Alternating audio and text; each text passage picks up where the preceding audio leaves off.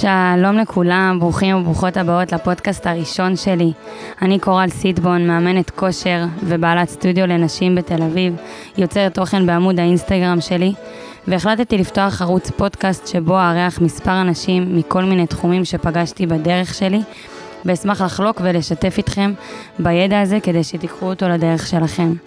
לשם כך הזמנתי את דניאל, האורחת שלי בפודקאסט הראשון, דניאל שומרת, דיאטנית קלינית, בוגרת האוניברסיטה העברית, מאמנת כושר ומדריכה לפילאטיס.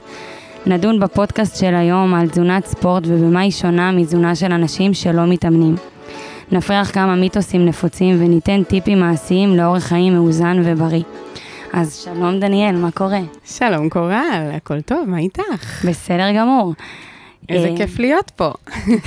כן, תודה רבה גם, אני שמחה לארח אותך. Uh, טוב, בואי נתחיל לדבר קצת על, uh, על הנושא שלך, על התחום. תזונה, על ספורט, על מה את ממליצה לאנשים שרוצים לרדת במשקל, איך זה מתנהל, קודם כל, זה עניין מאוד מאוד אה, רחב, והדבר, אני חושבת שהכי חשוב אה, להגיד בראש ובראשונה, זה שכל העולם הזה וכל התחום הזה, גם של אה, כושר וגם של תזונה, זה עניין מאוד מאוד אינדיבידואלי. זאת אומרת, יש פה חשיבות עליונה להתאמה אישית לבן אדם, לסגנון החיים שלו, למה שהוא אוהב לעשות, למה שהוא אוהב לאכול. כל הדברים האלה, אם אנחנו מתחשבים בהם מההתחלה, הבן אדם נכנס לתהליך בצורה הרבה יותר אה, נעימה, מכילה, אה, הוא רוצה בתהליך הזה, הוא מרגיש את זה עם הזמן, שזה משהו שנעים לו וטוב לו ועושה לו טוב מכל בחינה, גם נפשית וגם פיזית, והוא בעצם אה, נשאר ומתמיד ועושה את הדברים, אה, שזה בעצם הדבר הכי חשוב. כי התוצאות לא מגיעות ביום ולא מגיעות ביומיים. אז לא משנה מה אני אתן למטופל, או איזה אימון את תתני למתאמן שלך, כל עוד הוא לא יתמיד בזה ולא יעשה את זה לאורך זמן, אה, לא יהיו תוצאות. אז חשוב, חשוב להבין, לפני שאנחנו נכנסות וצוללות לנושא, זה שאין פה אה, תרופת פלא, אין פה קסמים, אין פה איזשהו... אה, גלולת אה, קסם שאני יכולה לתת אה, ולהגיד לך שזה יעבוד אה, מחר בבוקר כשתקומי חדשה, אה, וצריך לבוא מוכן לזה מההתחלה. וזהו. מהמם. אה, מה היית ממליצה לבן אדם שרוצה לרדת במשקל, אה, מתאמנת שרוצה לרדת במשקל ולקחת את זה עכשיו לאורך שהוא מאוד מאוד אה, ארוך, לתקופה מסוימת? אה, אם זה אימון ש, שכדאי לעשות, או מה את אומרת על ספירת קלוריות, האם זה מחייב כל אחת וכל אחד שמדובר בלרדת במשקל? האם זה מה שצריך לעשות? אוקיי, okay, אז אני אתחיל מהעניין של, uh, אני אתחיל מהעניין של ספירת קלוריות. Um, קודם כל זה נורא תלוי במטרה. התחלנו, uh, ממש בתחילת הפודקאסט, זרקת משהו על, על העולם של מתאמנים לעומת עולם של לא מתאמנים. מה זה אומר? זה אומר שבעצם בן אדם שהוא מתאמן, יש לו גם מטרות מאוד ספציפיות. הוא לא בהכרח רוצה רק לרדת במשקל, הוא כנראה גם רוצה איזשהו מראה מסוים, איזשהו מבנה גוף חטוב, אולי יותר שרירי, ולכן... ולכן המטרה שלו שונה מבן אדם שמגיע באיזשהו עודף משקל ורוצה רק uh, להיכנס לטווח משקל תקין. זאת אומרת שפה אנחנו כבר מדברות על שתי מטרות שונות לחלוטין שצריך להתחשב בהן. בן אדם שרוצה רק ירידה במשקל יקבל תוכנית אחרת, ובן אדם שרוצה uh, להיות חטוב ושרירי יקבל תוכנית אחרת לחלוטין. Uh, אז בנושא הזה, קודם כל חשוב להסביר. Uh, מבחינת ספירת קלוריות, יש את העניין שכולם נוטים לדבר עליו מאוד, אה, משהו שאין, אני חושבת שאין היום בן אדם שלא אה, שמע ומכיר, שזה בעצם אה, גירעון קלורי. שלצורך ירידה במשקל, אדם שרוצה לרדת במשקל צריך להיות בגירעון קלורי, כלומר, להכניס פחות ממה שהוא מוציא, כדי להיות באיזשהו דפיציט, באיזשהו מינוס אה, קלורי, ואז הגוף פשוט עושה אדפטציה, יורד במשקל ומתאים את עצמו לקלות, לכמות הקלוריות אה, החדשה שהוא מתרגל להכניס. אה, ולכן כן יש חשיבות בספירת קלוריות. כמובן שלא צריך לעשות הכל ותמיד בצורה אובססיבית ולספור כל קלוריה שנכנסת לגוף. לא צריך אה, בהכרח לשקול את המזון, אפשר להשתמש בשיטה של... אה, אה, מבנה הצלחת, איך הצלחת שלי נראית, ממה היא מורכבת, אה, וכמויות אה, יותר אה, כלליות, כמו כף, כוס, אה, כפית. כאלה מדידות, ולא בהכרח משקלים בגרמים. ושוב, ככל שאני מדייקת את המטרה שלי, ואני רוצה מטרה יותר מדויקת ויותר ספציפית, ככל הנראה שאני אצטרך גם לדייק את השקילה שלי ואת הכמויות שלי. זה בא בהתאמה, זה לא יכול לבוא בנפרד. אז שוב, זה נורא נורא תלוי בעניין המטרה. לא חובה לספור קלוריות, אבל יש לזה חשיבות כשהמטרה מחייבת את זה. אמ, בעניין השני שדיברת עליו, סוג האימון, שזה כבר נושא אחר לחלוטין, אמ, סוג האימון והאם אני אמליץ ומה אני אמליץ למתאמן או מתאמנת. בן אדם שכבר מחליט שהוא מגיע אה, לתוכנית של ירידה במשקל, והוא רוצה אה, לרדת במשקל ולשלב עם זה אימונים, כי הוא רוצה לשמור אה, על אה, גוף בריא ומסת שריר גבוהה, אז הוא מחליט שהוא מתאמן. אז קודם כל, תמיד, תמיד, תמיד אני אמליץ על שילוב של השניים. אה, בעיניי חוק ה-80-20 תמיד אה, בתוקף, שזה בעצם אה, חוק שמוכיח את עצמו במהלך השנים וגם במחקרים רבים, שבעצם 80 אחוז מהתוצאה שלנו תבוא בזכות התזונה, ו-20 אחוז בזכות הפעילות הגופנית שאנחנו מבצעים. אם זו פעילות יומיומית, שהיא פעילות כמו הליכה ממקום למקום, אם חניתי רחוק, או עליתי הביתה במדרגות, אמ, או עשיתי איזושהי אה, פעילות בבית, כמו ניקיון של הבית, דברים יומיומיים, ופעילות יזומה, כמו ללכת להתאמן, לעשות אימון אירובי, לעשות אימון כוח, אה, ממש שעת אימון שאני הולך לחדר כושר או לסטודיו ומתאמן. אמ, הדברים האלה כמובן יכולים להועיל, מעבר לזה שהם מועילים לגירעון הקלורי, הם גם מועילים לעלייה במסת השריר שלי. ברגע שמסת השריר שלי תהיה גבוהה, השריפת הקלוריות שלי במהלך היום, בזמן המנוחה, תהיה גבוהה יותר. ואז כשאני יושבת פה איתך ושתינו יושבות, ויש לנו מסת שריר גבוהה, היא שורפת קלוריות בזמן מנוחה. ואני מרוויחה בעצם מכל הכיוונים. אני שורפת קלוריות גם במהלך האימון, וגם בזמן המנוחה, כי מסת השריר שלי גבוהה. ולכן יש חשיבות גבוהה לאימונים. אה, כמובן שנכנס פה העניין של מראה. ברגע שאני רוצה להיראות בצורה מסוימת, שריר יותר גדול אה, באזור מסוים בגוף, למשל, אה, יד יותר גדולה לגברים, או בטן יותר מסורטטת, או אה, ישבן יותר אה, חטוב לנשים, אז כמובן שפה נכנס העניין של סוג האימון, האם אני מתעסק באימון כוח, איזה אימון כוח, על איזה דגש באימון כוח אני שם, ופה נכנס עניין של איש מקצוע. להיצמד לאיזשהו אה, מאמן מוסמך, אה, גם מישהו שאתם רואים וסומכים עליו ש, שהוא יודע מה הוא עושה ושהוא לא העיקר באטרף של לשרוף קלוריות. לא, זה לא העיקר. מאוד חשוב שלא להגיע לפציעות, שאחר כך נצטרך אה, לשלם עליהן ביוקר, אה, בתקופת מנוחה מאוד ארוכה ולא נעימה, אה, ודברים כאלה שצריך להתייחס אליהם ברצינות. אז אה, מעבר להכל, יש המון המון על מה לדבר בתחום של האימונים בפני עצמם, אבל קחו לכם אה, ככה איש איתכם, איש מקצוע, שיכול להכווין אתכם לפחות בתחילת דרככם, גם אם זה בחדר כושר, גם אם זה בסטודיו פרטי, שיכול להבין מהי המטרה שלכם, ומבחינה פיזית כמובן, ולהתאים ליכולות הפיזיות שלכם.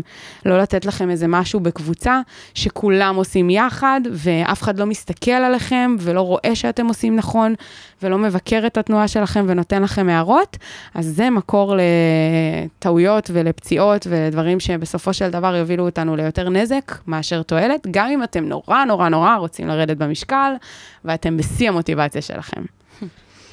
אה, אוקיי, ואני רוצה לחזור אותך רגע אחורה קצת. אה, לתחילת הנושא הזה, שאמרת שצריך אה, לפעמים לספור קלוריות, או להסתכל לפי אה, צלחת, כפית, כף, ולשים לב באמת לדברים שאוכלים כדי לרדת במשקל, או להתחתב. זה לא מייאש כל יום לקום, לספור קלוריות, לראות מה אני אוכלת, לשקול את עצמי, כל הזמן להיות במרדף הזה, אחרי אם ירדתי במשקל או עליתי במשקל, והאם התחתבתי. זה לא משהו שהוא מאוד קשה וכבר מכניס למין סטרס כזה? אה, אז זהו, שזה, זו הסיבה שאני גם דיברתי בהתחלה על הקטע של אה, התאמה אישית. כי יש אה, מטופלים שאני אגיד להם אה, מראש, זה לא בשבילך. למשל, מי, מישהי שאני רואה שהיא נשקלת כל בוקר, והיא נלחצת נורא מה-100 גרם או 200 גרם שהיא עלתה ביום, כמובן שאני לא ממליצה להישקל כל יום, בטח לא למישהי שהיא סוג של אובססיבית למספרים. זה נורא, פה נכנס נורא העניין של התאמה אישית, שאם אני רואה שמטופל זה too much בשבילו, זה יותר מדי בשבילו לשקול את המזון, אז אנחנו לא נשקול את המזון ולא נשקול את עצמנו, ואולי נסתפק בשקילה אה, רק בפגישות מולי. אה, שוב, זה צריך להיות הכל בטוב טעם, הכל בגבולות הטעם הטוב, כי ברגע שאני מאבד את זה, אני יכול גם בקלות מאוד להגיע להפרעות אכילה, או לאיזושהי תלות ב, ב, בדבר הזה, שבלעדיו אני לא יכול לתפקד ולהתנהל, ואז כל האורך החיים שלי נפגע, אני לא יכול לצאת לבלות עם חברים, אני לא יכול לשבת לאכול בחוץ, אה, אני מרגיש שבארוחות משפחתיות אני לא חלק, אני לא יכול לקחת חלק באירועים אה, כאלה ואחרים, ואז אני פוגע גם ברמה האישית, בחיים שלי. אז מה עשיתי בזה בעצם? אני נורא רוצה לרדת במשקל, אני רוצה מאוד להיראות טוב, אבל בסופו של דבר אני לא יכול לחיות, אני לא יכול ליהנות מהדרך. אה, והמטרה שלנו היא בעצם לשמור על החיים של הבן אדם, על מה שהוא אוהב לעשות, בלי, בלי לפגוע בזה. בלי לפגוע בדבר הכל כך חשוב הזה, להמשיך את החיים שלך בכיף ובהנאה, רק להעלות את המודעות, להבין מה אני מכניס uh, קודם כל הביתה, להבין מה אני קונה בקניות שלי בסופר, זה מתחיל משם. אחר כך להמשיך לדרכי ההכנה, איך אני מכין את המזון שלי, uh, מהם הצורות הנכונות להכין אותו, ומשם, מה הכמות הנכונה שאני צריך לשים בצלחת שלי, כמה ארוחות אני צריך לאכול ביום, אם אני מתנהל בחוץ, אם אני בעבודה, אם אני uh, נתקעתי עכשיו בטיול בחוץ ואני נורא רעב, מה אני קונה? אה, במסעדות, ב, בתנאי שטח, בכל דבר כזה או אחר, אה, לילדים גם בבית ספר, אה, בצבא אחר כך בהמשך, סטודנטים בלימודים, כל תקופה בחיים צריך להתאים לה את, ה, את ההתנהלות שלנו אה, עם האופציות שקיימות, ולמזלנו יש לנו מדינה באמת... ארץ זבת חלב ודבש, ויש לנו הכל, ו, ובאמת אנחנו חשופים כמעט בכל מקום ל, לאופציות, אה, מגוון רחב מאוד של אופציות. אה, שוב, זה עניין של אה, רצון, ברגע שרוצים והמודעות היא, היא עולה, ומבינים, ידע זה כוח בעצם, ברגע שאני מודע למה שאני מכניס לפה ולבחירות שלי, אז זה כבר נראה אחרת לגמרי, וזה הרבה יותר פשוט, זה לא מגיע לאובססיה, זה לא מגיע לייאוש, זה לא מגיע למקומות האלה. אני פשוט צריך לפתוח את העיניים ולראות לראות כמה אופציות שם, הן פשוט שם, הן פרוסות לפניכם, אה, לדעת נכון, לבחור אותן נכון. אני חושבת שזה המפתח. אה, אני מסכימה איתך, זה לגמרי המפתח, וברגע שבן אדם רוצה משהו, הוא באמת יעשה את זה, ואת יודעת, כל האמצעים כשרים בדבר הזה. אמ, אבל עדיין יש פעמים שאנשים מתקשים, הם נתקעים במשקל, הם נתקעים במוטיבציה, ברצון של זה, עם כמה שהרצון כל כך גבוה ועם כמה שיש מטרה לעוד חצי שנה, שנה, וגם מטרה שהיא קרובה לחודש, חודשיים של חיטוב כסחני, איך, איך עושים את זה, אם בן אדם נתקע פתאום ו- ולא יודע מה לעשות, ונכון, כל תהליך הוא אינדיבידואל לכל אדם. השאלה היא אם כל אדם יזכה לראות את התוצאה שהוא רוצה להגיע אליה, אמ, איך זה, איך זה פועל בעצם.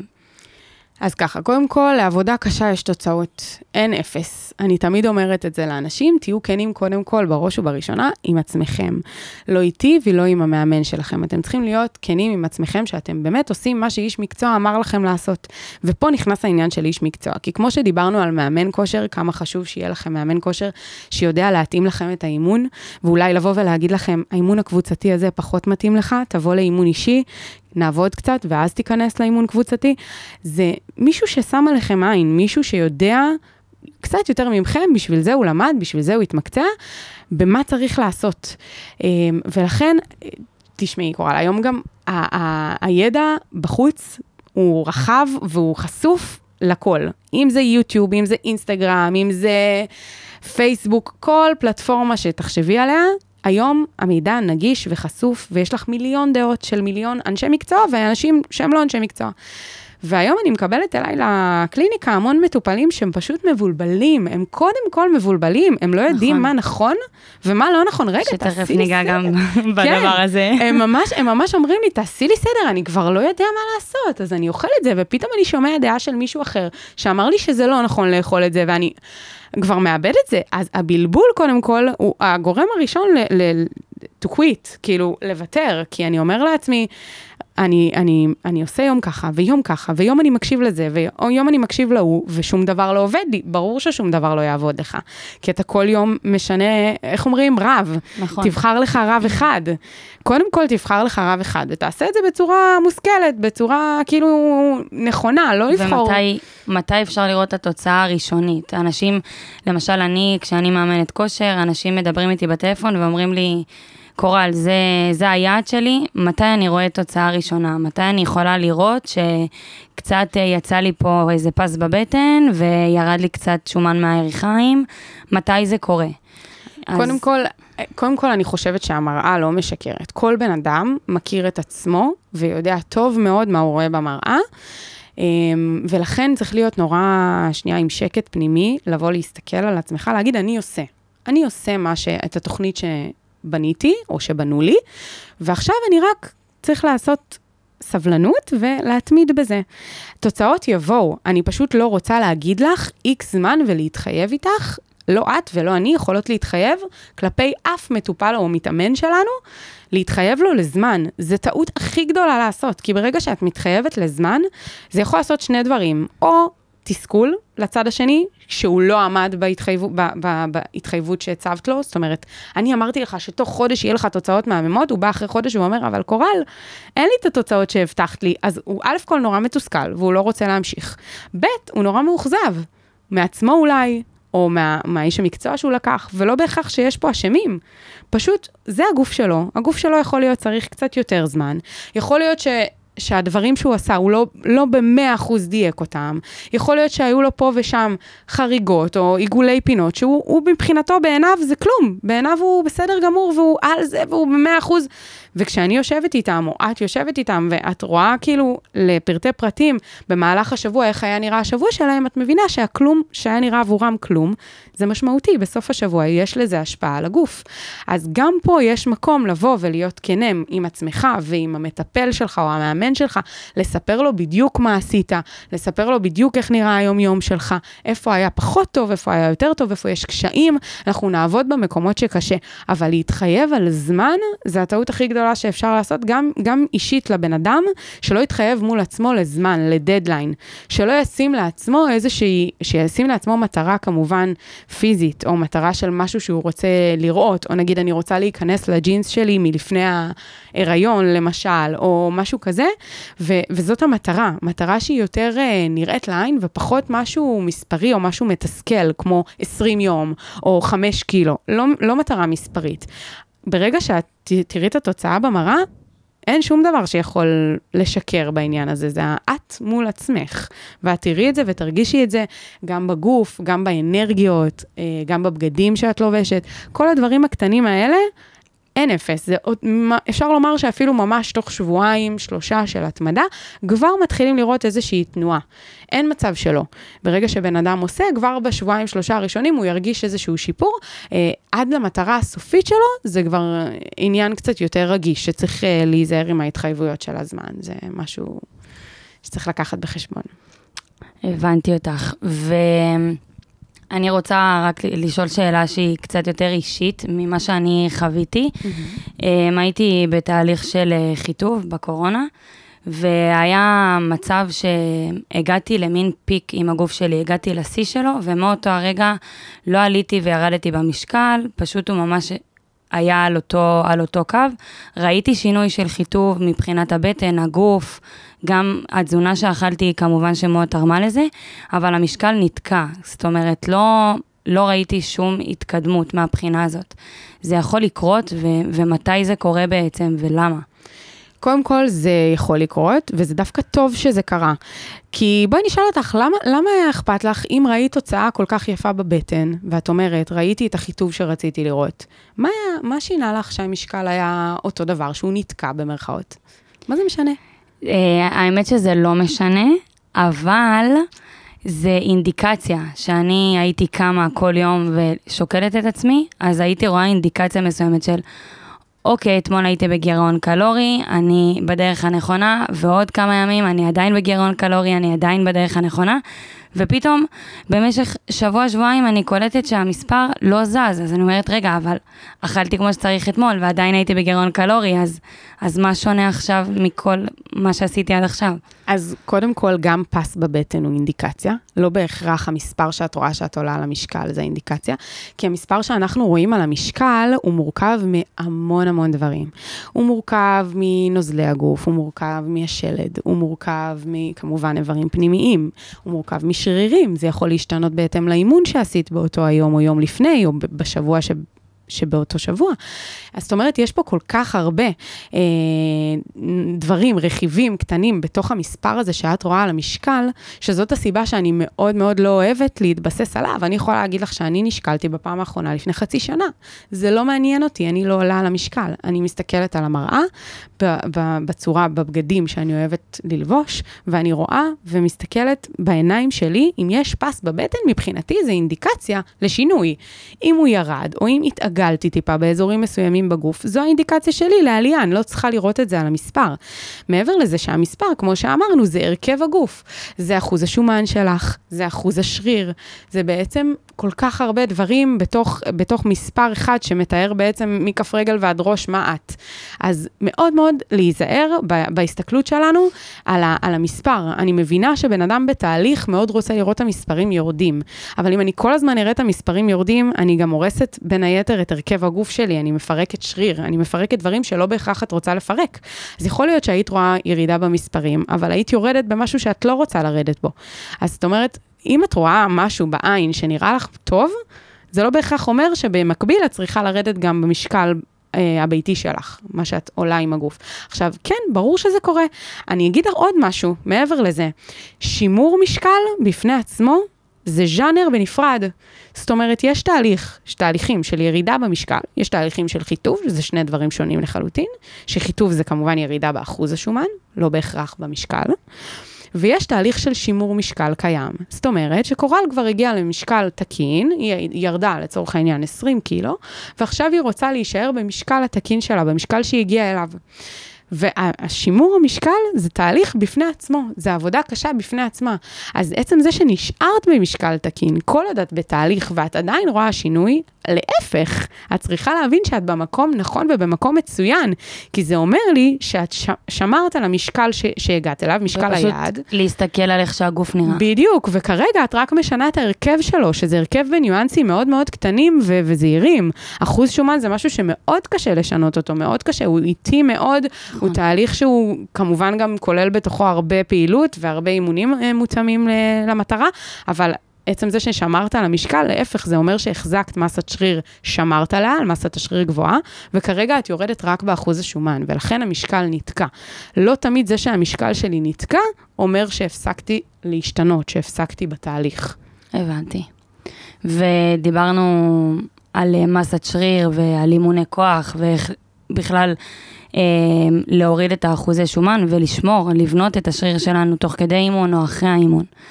אמ, בואי תספרי לנו קצת מה, מה זה אומר, איך אנחנו צורכים את זה ומה צריך בכלל לצרוך במהלך החיים כדי שנגיע לתוצאה שהיא מקסימלית. אז אה, אין דבר אחד שאני יכולה להגיד שצריך לצרוך אותו, זה לא, אין לי פה איזה תוסף אה, תזונה מסוים, שאני אגיד לך, תקחי את זה קבוע כל החיים ואת מסודרת. מאמינה בתוספי תזונה?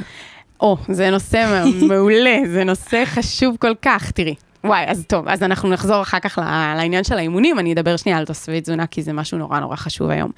אמ, כולנו יודעים שעל המדפים, בסופרים, בכל סופר פארם, אה, יש היום אה, מדפי אה, תוספי תזונה. הם חשופים לקהל הרחב, הם ללא מרשם רופא. אני היום כבן אדם תמים ברחוב יכול להחליט שבא לי עכשיו מולטי ויטמין, אני נכנסת לסופר ורוכשת, נכון? זה לא... לא משהו עם התוויה מיוחדת. אמ, ופה נכנס העניין של טרנדים, ובוא ניקח ובוא ננסה, לא, לא, לא, לא, עצרו. עצרו הכל. קודם כל, לא לוקחים תוסף תזונה בלי שאיש מקצוע, שהוא או רופא או דיאטנית אה, קלינית, שהפנו אתכם לקחת. אה, ולא כולם צריכים, קודם כל, בשביל זה אנחנו עושים בדיקות דם. בשביל זה ליווי דרך, עם דיאטנית קלינית, דרך הקופה או פרטית, לא משנה, מלווה תמיד בקריאת בדיקות הדם שלכם. אני רוצה לדעת מה מתחולל בפנים, בתוך הגוף. אני לא יכולה לראות בן אדם, לא ייתן לי שום דבר לראות, גם אם הוא לצורך העניין בעודף משקל, או אם הוא במשקל תקין, לא אומר שום דבר על מה שקורה לו בפנים. בן אדם יכול להיות במשקל תקין, או במילים פשוטות רזה או רזה, ומה שקורה לו בפנים זה תוהו ובוהו, מלא חוסרים ומלא דברים שמתרחשים שם לא מאוזנים, ולעומת בן אדם שיכול להיות בעודף משקל, והתוצאות בדיקות הדם שלו יכולות להיות נהדרות, אוקיי? אז שום דבר בפן החיצוני לא מעיד לי על מה שקורה בפנים. לכן תמיד בעניין תוספי תזונה, אני בודקת בדיקות הדם, מתאימה לפי בדיקות הדם ולפי אורך החיים של בן אדם, שגם לפי זה אני יכולה להסיק על חסרים. למשל, טבעוני, צמחוני, אני יכולה להסיק שיש לו חסרים, אז אולי אני אשלח אותו גם לבדיקה ספציפית, שתבדוק לי האם יש לו חסרים ב-B12, בברזל, כיוון שהוא לא אה, צורך מזונות מן החי. אז יש פה מלא דברים קטנים. אני לא אלך על דעת עצמי וארכוש את הדברים האלה, כי גם דברים כמו מינרלים וויטמינים, יש להם upper limit, יש איזושהי כמות, level מסוים ש... אסור לעבור אותו, שמעליו הוא עלול להפוך גם לרעיל ולהזיק לגוף. אז גם בדברים האלה לא להיות אה, קל על, ה, על ההדק, ולא ללכת ולרכוש סתם מה שנראה לי לנכון, או אני מרגיש עייף, אז אני אלך ואני אקח מולטי ויטמין. לא, לא. וללכת לעשות בדיקות דם. בדיוק, ואז... ולהתייעץ. אפילו כן. עם הרופא, גם הרופא יכול להגיד לך בקופת חולים, אולי להפנות אותך אם צריך באמת לדיאטנית או דיאטן, והוא כבר יגיד לך יותר במדויק וימליץ לך על תוסף שהוא גם כן מתאים לך, אם זה בכדור, אם זה בנוזל, יש פה גם, גם נושא של אופן הלקיחה, אם זה בכדור, אם זה בנוזל, אולי בגומי לעיסה, יש המון המון אופציות לקחת היום תוספי תזונה. אז כל הדברים האלה הם דברים שצריך לשים לב שלא לוקחים סתם. אמ, ובמיוחד אני אשים דגש על כל ה... סליחה שאני אומרת את זה במילים האלה, שקרים למיניהם. שורף שומן, טייטל. אוי, טייטל נפלא. או כן, אני אקח כדור והוא ישרוף לי את השומן שאכלתי. בדוק, בדוק. זה נשמע לכם הגיוני? שנייה, תחשבו רציונלי, לפני שאתם קונים משהו. זה נשמע הגיוני שיש כדור שפשוט שורף? לא. אז לשים לב גם לטייטלים האלה, לכל ההבטחות האלה שאומרים, ואתם אומרים, טוב, זה רק 100 שקל, אני אנסה. לא, לא, לא, לא. הגוף שלכם זה לא פח אשפה, אתם לא עושים עליו ניסויים, ואתם לא מכניסים דברים שאתם לא יודעים מה הם, גם לא שייקים למיניהם שאמרו לכם לקנות, שזה נורא יעזור לכם עוד טרנד נפלא של ניקוי רעלים, שאני שומעת שמתרוצץ בחוץ. ניקוי רעלים. בואי, קורל, מה, יש לנו איברים בגוף שעושים ניקוי רעלים 24-7, את יודעת איזה איבר זה? בגוף. לא. כבד. ממש לא. הכבד. הכבד שלנו עושה ניקוי רעלים תמידי, 24-7, הוא מנקה את הרעלים שלנו. אז לבוא ולהגיד שאני עושה דיאטה מנקת רעלים, אוקיי, בסדר, יש כל מיני שיטות, כל מיני אופציות שיכולות מאוד, בעזרת כותרת יפה, לגרום לבן אדם באמת להעלות את המוטיבציה, לגרום לו לעשות, לגרום לו להרגיש שיש להיות תוצאה. להיות חלק מטרנד. נכון, להיות חלק מטרנד, זה גם, זה סוחף, זה גורם לך להרגיש שיש איתך עוד אנשים שבאותה סירה, מה שנקרא, ועושים איתך את הדבר הזה.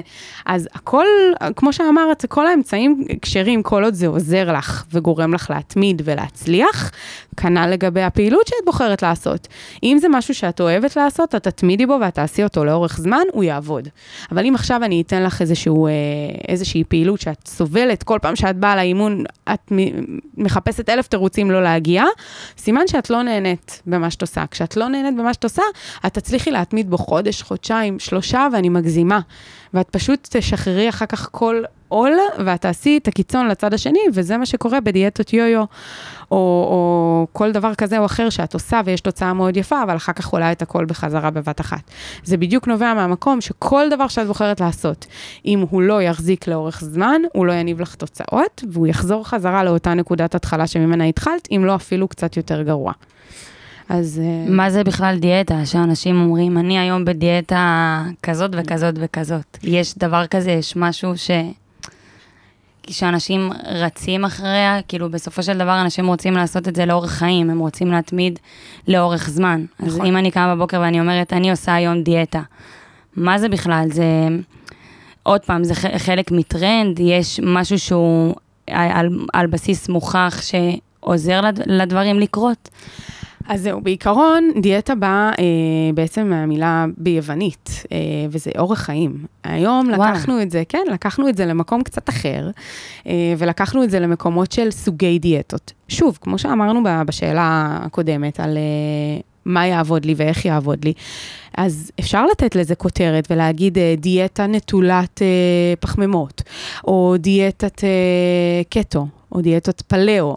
יש המון המון סוגי דיאטות. אני חוזרת איתך לקו המנחה שצריך להיות תמיד איתך ותמיד עם כל אחד ואחד מהאנשים ששומע אותנו עכשיו, זה שזה צריך להיות דיאטה במרכאות, אורח חיים, יותר נכון לומר, שתצליח להתמיד בו. אם אני אתן לך עכשיו דיאטה שלא תצליחי להתמיד בה מעבר השבוע, כי נתתי לך אה, לצורך העניין דיאטה אה, דלה מאוד בפחמימה, ואת אה, מתאמנת, ואת עכשיו תרגישי עייפה וחסרת אנרגיות, ותרגישי אולי לא מרוכזת, ובתור סטודנטית יהיה לך קשה להגיע ל- ללימודים ולמבחן ולהקשיב למרצה. אז מה עשיתי בזה בעצם? הדיאטה הזאת תחזיק שבוע, שבועיים, ו... ואז תחזרי שוב ותגידי, כבר ניסיתי הכל, ניסיתי את כל הדיאטות. ברור שניסית את כל הדיאטות, כי הלכת על הדברים הקיצוניים, שעבדו לך למשך שבוע, שהיה לך נורא כיף, כאילו איזושהי אטרקציה כלשהי. זה לא מחזיק מעמד. וזה לא מחזיק מעמד, אז ברור שאת תישברי, שוב, חזרנו לאותה נקודה שדיברנו בהתחלה, על הייאוש, על התסכול הזה, זה בדיוק זה. ברגע שאני הולכת על הדיאטות הקיצוניות האלה, יכול מאוד להיות שאני אצור פה איזשהו תסכול שלהפך, הוא יגרום לי לא לרצות לנסות שום דבר אחר בהמשך. פשוט אני אגיד מראש, כבר ניסיתי הכל, כבר הייתי בדיאטה כזאת ודיאטה כזאת. שום דיאטה לא צריכה להיות פה, צריך להיות התאמה לאורך החיים שלך. ולכן אני תמיד אומרת את זה, עזבו שנייה את הכותרות בצד. אני אתאים לך את מה שמתאים לך, לאהבות שלך, לדברים שאת מתחברת אליהם, למהלך השבוע שלך, איך שהוא נראה, לבילויים שיש לך במהלך השבוע, עם החברים או עם המשפחה. ברגע שזה יהיה מותאם בצורה מאוד מאוד אה, ככה אישית, אז לא יהיה לך בעצם סיבה לחפש את הקיצוניות, ולא יהיה לך סיבה גם להישבר או להתייאש ממנה, כי זה יהיה נורא בפלואו ונורא בזרימה עם אורח החיים שלך הקיים. והשינויים צריכים לבוא בטיפין-טיפין, הם צריכים לבוא בצעדים קטנים, הם צריכים לבוא כל פעם שינוי קטן לחיים שאת חיה כרגע, כדי שזה יהפוך לחלק מההרגלים החדשים שלך. נכון. וזהו, ברגע שאת עושה משהו שהוא קיצוני, זה לא הרגל שלך, זה לא משהו שאת מכירה, אז מן הסתם, כמובן שהוא גם יחזיק לפחות זמן. הרגל זה משהו שלוקח זמן לס- לסגל אותו, הוא לא קורה ביום. נכון. זהו. וגלשנו קצת מקודם, רצינו לדבר על ההרכב מבחינת השריר, הבנייה של השריר. נכון, נכון. אז אה, אני מניחה שאת חותרת לכיוון חלבונים. נכון מאוד. אז זהו, אז אה, נכון. קודם כל, חלבונים... אה, מילה כל כך, אה, היא משמעותית, חשובה, היא נכון. כן, היא משמעותית, ולא הרבה אנשים יודעים למה. נכון, וגם אפשר לשייך את זה קצת לטבעונים, בטח. לצמחונים. יש הרבה מתאמנות שלי לפחות, המקור החלבוני שלהם הוא, הוא מועט. גם יש נכון. בנות שלא אוהבות יותר מדי חלבון, אז מה אפשר להציע לבנות כאלה שרוצות להתחתב, להעלות מסת שריר? איך מגיעים למקום הזה? אוקיי, אז אני אתחיל מזה שבעצם חלבונים זה דווקא לא מיתוס. זה לא איזשהו טרנד, וזה לא סתם. Uh, כשאנשים באמת uh, שואלים אותי, מה זה, מה זה חלבון? למ, למה אני צריך חלבון? אני לא החיים. מבין. כאילו, אני זה- חיה על חלבון. לא רק שאת חיה, זה ליטרלי החיים עצמם. נכון. כל איבר בגוף שלך, שאת עכשיו יושבת ומדברת פה איתי, כל איבר בנוי מחלבון, החל מהסערה שנשרה לך על הרצפה, שאת ממש לא זקוקה לה ואת זורקת אותה לפח. זה חלבונים. הגוף שלנו מורכב מחלבונים ברמת ה-DNA והלאה. אמ, ובעצם מכאן אפשר להבין שאם אני לא יקפיד על צריכת החלבונים, אני בעצם גורמת להרס שעולה על הבנייה, אוקיי? אם אני בונה בקצב שאני הורסת, אז אני באיזשהו, נמצאת באיזשהו מקום טוב של איזון של הגוף שלי. אבל אם אני הורסת, ומה זה אומר הורסת? כל זמן שאנחנו נושמים, חיים, מתפקדים, דברים נהרסים בגוף שלנו, תאים נבנים ומתפרקים ו- ומתים מחדש. וכל הדבר הזה, ברגע שאני לא מספקת לו את אבן הבניין הכי הכי חשובה, שזה החלבון, אני לא יכולה לבנות כמו שצריך. אז זה לא משנה כמה פועלי בניין אני אביא, אני צריכה שיהיה לי חומר גלם לבנות את הבניין, אוקיי? אני יכולה להביא המון עובדים נהדרים, אבל אם לא יהיה להם במה לבנות, אז הבניין הזה שנקרא הגוף שלי, הוא לא ייבנה מחדש, והוא רק ייהרס. ואני לא רוצה שזה יקרה, אני רוצה שההרס והבנייה יהיו פחות או יותר באותו הקצב ובאותה יעילות. אמ, ולכן פה אנחנו בונים, בעצם מדברים על אה, בניית אה, מסת שריר וכל העניין הזה של אה, חלבונים. אז חלבונים הם must, הם ממש must בתפריט היומיומי שלי. אה, וצמחונים וטבעוניים הם אוכלוסייה שקצת מקורות החלבון שלהם הם קצת יותר דלים. המקורות החלבון שלהם הם לא מהחי, ולכן הם צריכים לשים לב שהם מקבלים מקורות חלבון ממקורות אחרים, אם זה אה, מוצרי סויה וטופו, אם זה קטניות, אה, גם בדגנים מלאים יש כמות קטנה של אה, חלבון. בסופו של דבר אני מסתכלת על הכמות היומית. שנכנסה לגוף, ולא על פר מוצר שעכשיו אכלתי. אני מסתכלת על טוטל ההכנסה היומית שלי, אמ, ולכן כל השילוב של כל הדברים והמגוון הזה, זה בעצם מה שחשוב לשים לב אליו. אז זה לא בהכרח אומר שמישהי מתאמנת טבעונית או צמחונית שלך, צריכה לאכול כמויות אדירות של טופו. ממש לא, היא פשוט צריכה לשים לב שהסך היומי של החלבון שהיא קיבלה, מכל המקורות חלבון שרלוונטיים לה, הוא מתאים לה, למשקל גופה, לגילה, ל, ל, למין, לפעילות, לכמות הפעילות הגופנית שהיא עושה. ואיך אפשר לחשב את זה? אני עכשיו אה, מאזינה או מאזין שמקשיבים לנו מעבר לללכת לאיש מקצוע לפי okay. אוקיי. הגוף שלנו, איך באמת, אני רוצה עכשיו לדעת בבית כמה אני צריכה לצרוך חלבון. אוקיי, אז החישוב הפשוט שאני תמיד אה, אומרת אה, ככה ומפיצה את זה החוצה, זה אחד לאחד. מה זה אומר? אחד גרם של חלבון לאחד קילוגרם גוף. אני אקח משקל אה, סטנדרטי של 70 קילו למשל, משמע 70 גרם של חלבון ביום. כאן נכנס עכשיו טווח אחר שאנחנו יכולות יותר לדייק אותו ולדבר עליו, וזה גם מה שדיאטנית עושה, זה שזה הטווח המינימום שהוא 0.8, לטווח מקסימום שהוא 2, ובמקרים מאוד חריגים גם קצת יותר למתאמנים מאוד אה, אה, ספורטאי עילית. אז בין 0.8 ל-2 גרם חלבון ליום.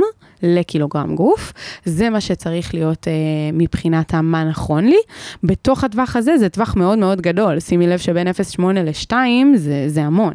אם לצורך העניין אני שוקלת 70, אז 1 ל-1 זה 70, ול-2 זה כבר יהיה 140 גרם חלבון ביום, זה כבר המון. אז כאילו יש פה טווח מאוד גדול שפה באמת צריך קצת יותר לדייק. אבל בן אדם שלוקח, אה, מקפיד על צריכה של 1 גרם לקילוגרם גוף, מבחינת טווח הבריאות, יהיה לו את הכמות חלבון המספקת שהוא צריך לתפקוד אה, תקין ולבריאות אה, הגוף והאיברים השונים.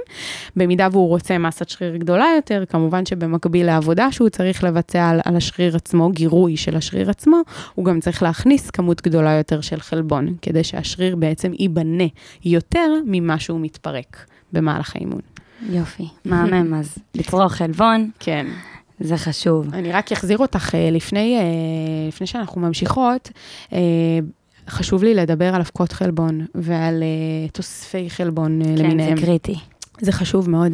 אמ, אני מדברת גם בין היתר על מזונות מועשרים בחלבון, כמו יוגורט מועשר בחלבון, שכל האלה שיש עליהם עכשיו מאוד אוהבים גם לשים את זה בפרונט, שזה 20 גרם חלבון למנה, 30 גרם חלבון לבקבוק, כל מיני כאלה.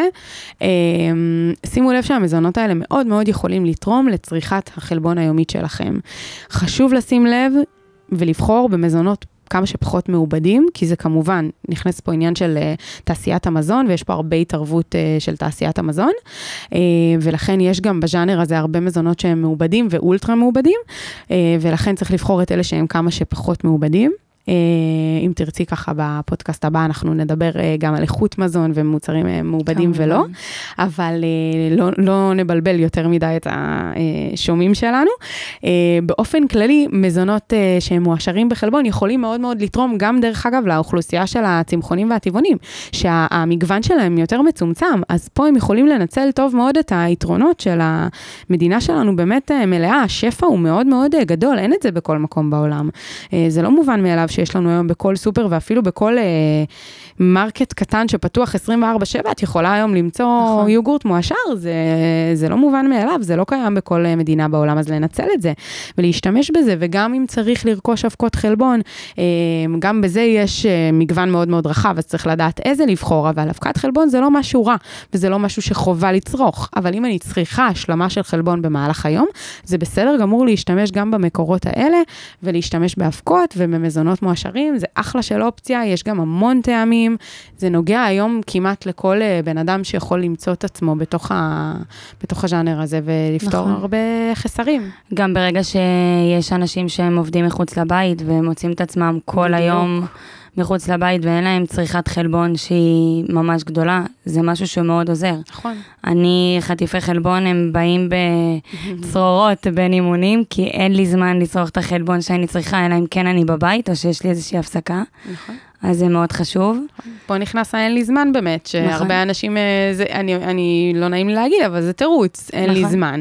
בסדר, לאף אחד אין זמן, זמן עושים. כמו שאני ואת מצאנו פה עכשיו את השעה הזאת, זמן שנייה לעצור את הכל ולשבת לידו, עשינו את זה, יצרנו את זה. לא היה לנו זמן, יש לנו עוד מיליון ואחת דברים אחרים לעשות. כנ"ל לגבי האוכל שאנחנו בוחרים. גם אם אני אבחר לא לעמוד ולבשל אותו, וכביכול לבזבז זמן עכשיו מטבח, אני יכול לבחור מזונות מוכנים, שהם, שהם עומדים בקריטריונים האלה, והם בסדר. אה, ושוב, זה תמיד יבוא משהו על חשבון משהו, אז אה, האופציות קיימות שם, צריך לבחור אותם נכון, נכון, פשוט. סדר עדיפויות. בדיוק. טוב, בואי נגיע לנושא המעניין, מיתוסים. וואי, אני חושבת שעד עכשיו ניפצנו לא מעט, נכון. האמת, בלי לשים לב אפילו, בלי להגדיר. נכון. אבל אוקיי, איזה עוד מיתוסים היית אה, רוצה? אכילה? בלילה, נגיד. אין שום בעיה עם אכילה בלילה. אין שום בעיה עם אכילה בלילה. כמובן שאני לא מדברת על אנשים שקמים מתוך שינה וקמים למטבח, זה כבר נושא בפני עצמו, זה אכילה לילית, זה סיפור אחר, זה גם יכול להיות מעורב הרבה בעניינים נפשיים. אמ, אבל כשאת מדברת אכילה בלילה, את מתכוונת לאלה שמפסיקים לאכול בשעה 6 וכאלה דברים? גם, וגם אוקיי. אלה ש... אה, נגיד מסיימים את היום מאוחר, 11-12, אוכלים ורק אז אוכלים את הערב שלהם. בדיוק והולכים לישון. אז יש סוגיה כזאת של אוי לא אני אשמין, או אוי לא אכלתי בלילה, ואיך איך זה יבוא בחשבון על התהליך שאני נמצא בו. אוקיי, אז uh, ההסתכלות שלי, כמו שאמרנו uh, קודם, היא הסתכלות uh, יומית. זאת אומרת, אני מסתכלת על היום שלי כ-24 שעות. יותר מזה אני אגיד לך, כל אלה שעובדים עבודות לילה, שהם עובדים משמרות לא סטנדרטיות, לא שמונה עד חמש. אה, אני לצורך העניין, הייתי שלוש שנים מהחיים שלי דיילת. לא היה לי שעות, לא היה לי יום ולא היה לי לילה. וזה לא שינה שום דבר, דרך אגב, בהתנהלות שלי, ולא שינה שום דבר במשקל גופי. אה, העיקרון הוא לשמור על היממה עצמה ועל הערכים בתוך היממה תקינים, לא משנה מתי אני מכניסה את זה. יש אנשים שאוהבים לאכול ארוחה. גדולה בבוקר, יש אנשים שיעדיפו משהו קטן להתחיל איתו את היום, ואת הארוחה הגדולה שלהם יאכלו בהמשך. יש אנשים שלא רעבים בלילה, שכבד להם, ושהם מעדיפים לסיים את האוכל בשעה 6, 7, 8, ויש כאלה שלא נמצאים בשעות האלה בבית, אז הם מגיעים באמת לארוחה שלהם ממש רעבים, ב-10, אז הם לא יאכלו? לא, הם רעבים, והם צריכים להכניס גם את, ה- את הערכים, את המקרונוטריאנטים שהם לא הכניסו במהלך היום. חלבון, פחמימה, שומן, הם חייבים לאכול כשהם מגיעים בסוף היום. אז שוב, זה עניין מאוד מאוד של לשים לב מה אכלתי במהלך כל היממה, והחלוקה שלי והפיזור שלי במהלך היום, לא להגיע מורעבים לאף ארוחה. זה הדבר שהוא יותר קריטי לי מאשר מתי, מתי אכלת את האוכל, אלא פשוט לא להגיע ל... עומס קלורי גדול בבת אחת של אוכל, אה, גם לגוף זה לא טוב, גם לעיכול זה לא טוב, גם לנו מבחינה מנטלית ו- ו- ונפשית זה לא טוב להתנפל על האוכל בבת אחת. אז פה נכנס לא רק השעה שאני אוכלת בה, אלא איך התנהלתי עד אותה ארוחה, עד אותה השעה. נכון, אה, זה קורה בדרך כלל בימי שישי. יפה. אני שאני- אשמור את כל הקלוריות לקידוש, נכון. ארוחת ערב, ואז מגיעים, וסוף הארוחה כואבת כבר הבטן. בדיוק, וגם אין בקרה, אין שליטה, אני נורא נורא רעב, כשאני נורא רעב, מה קורה? אני אוכלת את כל מה שאני רואה. נכון. אני אוכל מה שיש, כי אני כבר במצב שאני חייב להכניס. אז, אה, אז הבקרה היא כבר נכנסת לפחות חשובה, אני כרגע חשוב לי לספק את הגוף. נכון. אז אה, זה מיתוס שבאמת, טוב ששאלת, זה מאוד חשוב אה, לשבור אותו, תאכלו בערב, הכל בסדר. מדהים. יש עוד משהו חשוב שבא לך להגיד מהתחום שלך, ממשהו שאת אה, רואה, מהניסיון שלך, שאת חווה ביום-יום עם מטופלים שלך? אה, יש המון המון המון דברים שאני אה, שומעת, והכי הכי חשוב לי בעצם באיזשהו מקום לחזור לתחילת הפודקאסט שלנו, ש... של ה, שדיברנו על 80-20 ודיברנו על שילוב של הדברים ודיברנו על, אה, על flow, על חלק מזה שזה חייב להיות כאילו בזרימה עם החיים של, שלך. אני חושבת שזה הדבר הכי הכי חשוב אה, שיקרה, ו, ולשים לב שזה חייב להיות שילוב של כל הדברים האלה יחד. זה חייב להיות איזושהי פעילות גופנית, איזושהי תנועתיות במהלך היום.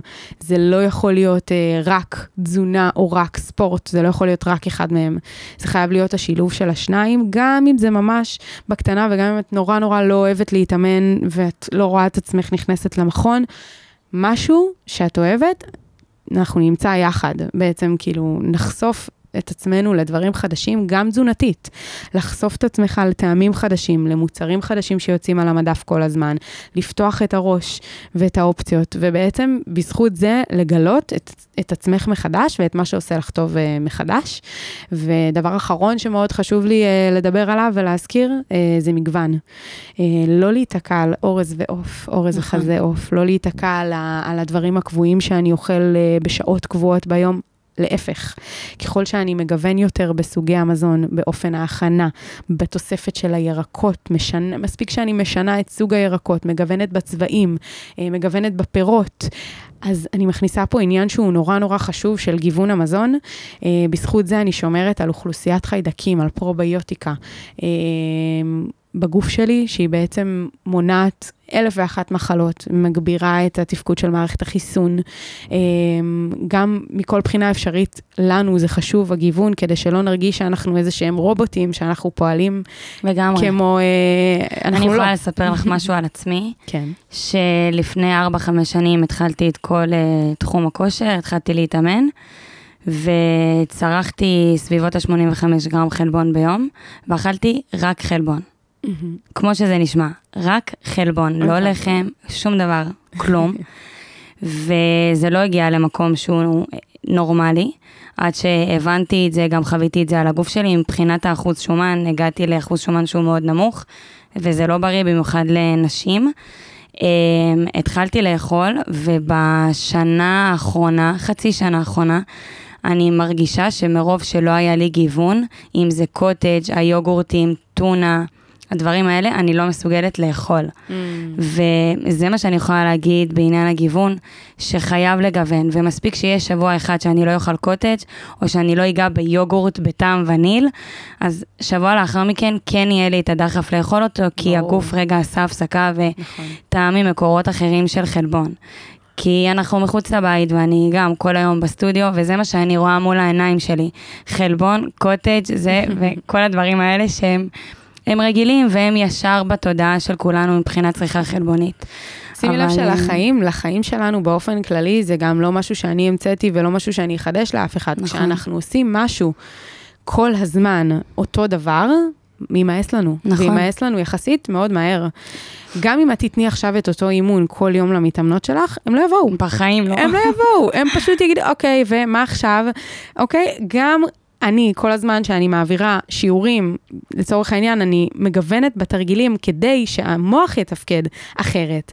כי ברגע שאני נכנסת, מכניסה את העניין הנפשי והשכלי פה לכל העניין, זה לא, אנחנו לא רובוטים, אנחנו בני אדם, אנחנו לא יכולים לבצע את אותו דבר כל יום, נכון. בלי שימאס לנו. זה לא הגיוני, אף בן אדם נורמלי לא יגיד לך שזה בסדר, אוקיי? מתישהו, גם אם, גם אם אתה מחזיק מעמד חצי שנה, שנה ככה, בדיוק, זה ימאס, זה מה שקורה לי, ואני יקרה. בכוונה אומרת, אני אחרי 4-5 שנים. שנים, ואני רואה את זה רק עכשיו. אם אישה מגיעה אליי בהתחלה, היית אומרת, היי, עזוב, שטויות, אני אוהבת, זה מתאים לי, זה כיף לי, אבל לאורך זמן זה לא תופס, וזה משהו שבאמת חייב לזכור.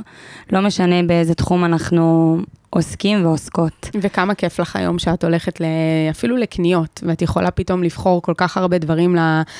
לבית ו- ולגוון בהם ולהגיד שיום אחד אני אוכלת את זה ויום אחד אני אוכלת משהו אחר וכיף לי, למה שאני לא אהנה נכון. מאוכל? זה, זה גורם לי החיים. להתמיד בזה לאורך זמן. נכון, וזה גם אין שום, לא אמור להיות פה שום איסורי מצפון, חברים, תהנו, אוכל זה דבר מדהים, נכון. זה כיף, תהנו גם פעם בלאכול דברים שהם לא בשגרה שלכם, זה גם בסדר גמור, זה בסדר להכניס דברים אה, מיוחדים, נקרא לזה ככה, לא הכל חייב להיות אה, מלא ודגנים מלאים וחלבון אה, כך וכך, הכל מותר, הכל בסדר, הכל עניין של מינון, זה הכל. מדהים.